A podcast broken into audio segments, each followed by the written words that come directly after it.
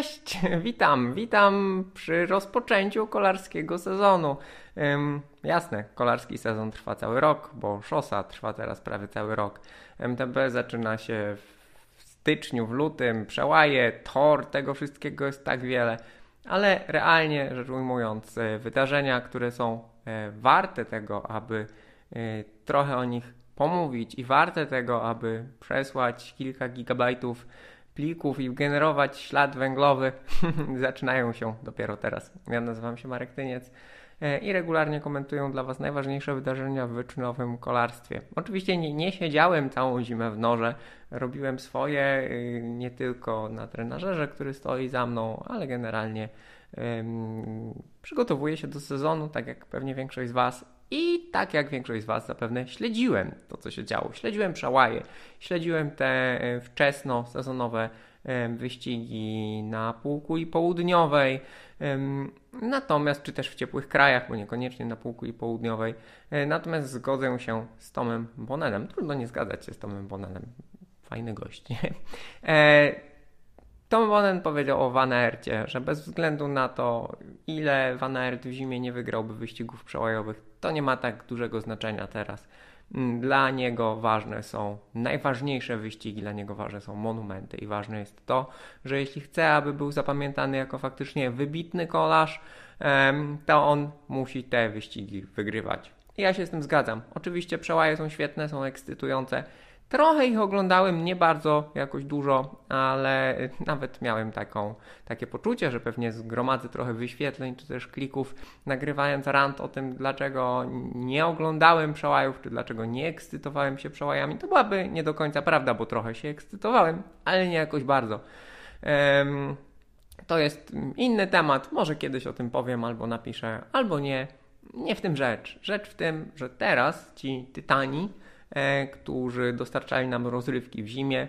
Dla nich teraz przychodzi ten najważniejszy czas. Otwarcie belgijskich klasyków w ten weekend e, chciałoby się powiedzieć, że bardzo wcześnie, bo Omloop, e, e, w sobotę 25 lutego.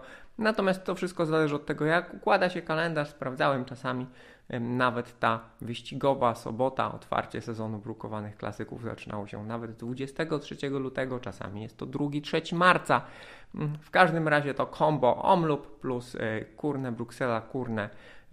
To jest taki symboliczny, symboliczny start sezonu w Europie. Bo oczywiście e, Portugalia, Andaluzja, Pitcock, Pogaczar, co tam się Mas, co tam się dzieje?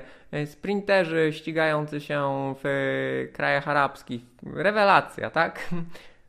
Rewelacja, bez, bez kpiny. Fajne ściganie. Można jeżeli ktoś bardzo, bardzo uważnie śledzi kolarstwo, mm, no to należy zadawać pytania o to, czy ktoś ma szczyt zbyt wcześnie, czy ktoś, e, jakie moce kto generuje. Tak, to wszystko jest ciekawe. Natomiast e, czy w perspektywie całego sezonu, kiedy wspomniany Pogaczar, który tutaj no, wczesną wiosną, jeszcze nawet nie jest wiosna, w pełni zimy, bez względu na to, czy liczymy zimę jako yy, astronomicznie, yy, astronomicznie, kalendarzowo, meteorologicznie, nie ma znaczenia. Ca cały czas jest zima, tak? Mm, I Pogaczar zimą jest tak świetny. Z drugiej strony słyszymy od jego trenerów czy dyrektorów sportowych, że oczywiście Pogaczar jest jeszcze daleko od swojego szczytu, musi być daleko od swojego szczytu.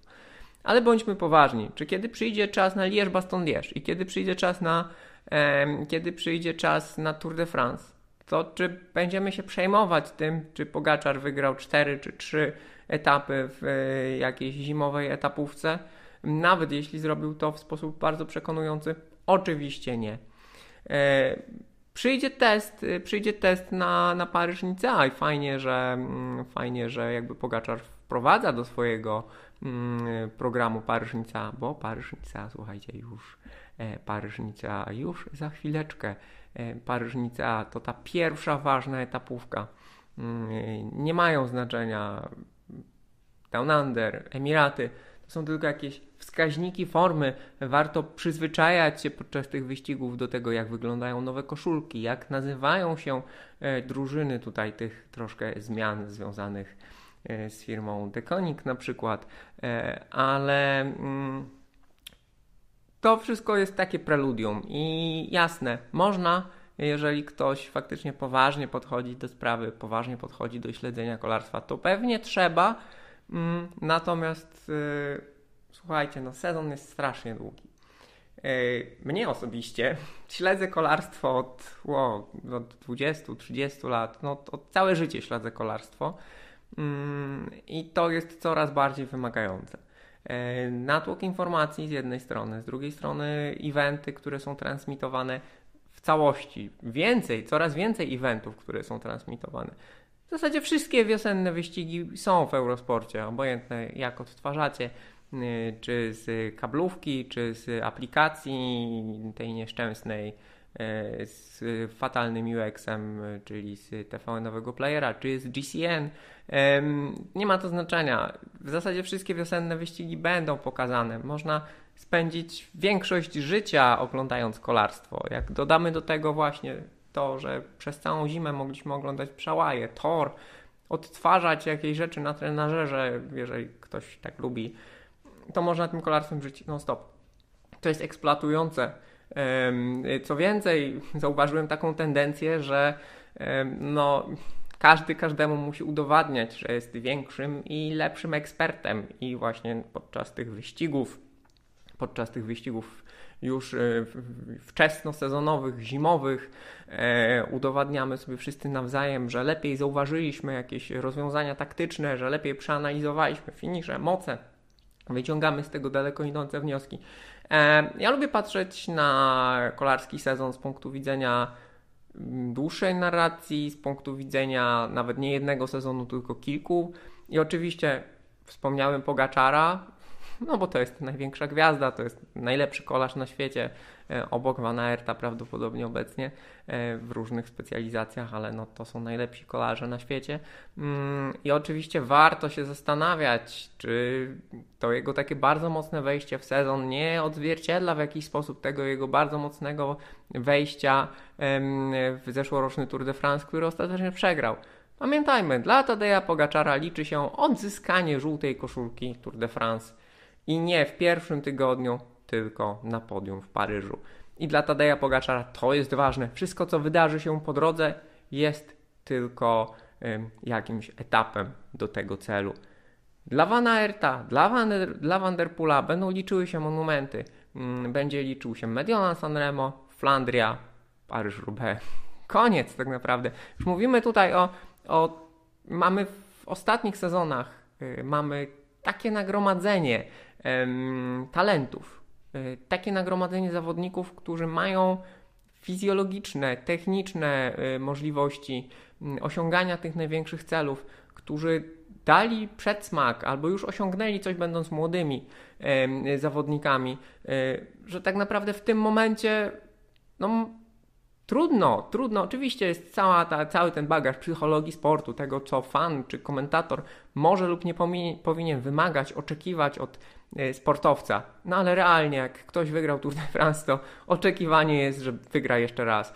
Jak ktoś wygrał monument w jakiejś tam specjalności, czyli nie mówię, że zwycięzca Paryż-Roubaix miał, miałby wygrywać Liège Bastogne, tak? Yy, chociaż realnie to się zdarzyło w przypadku Filipa Gilberta, ale na tle całej kariery.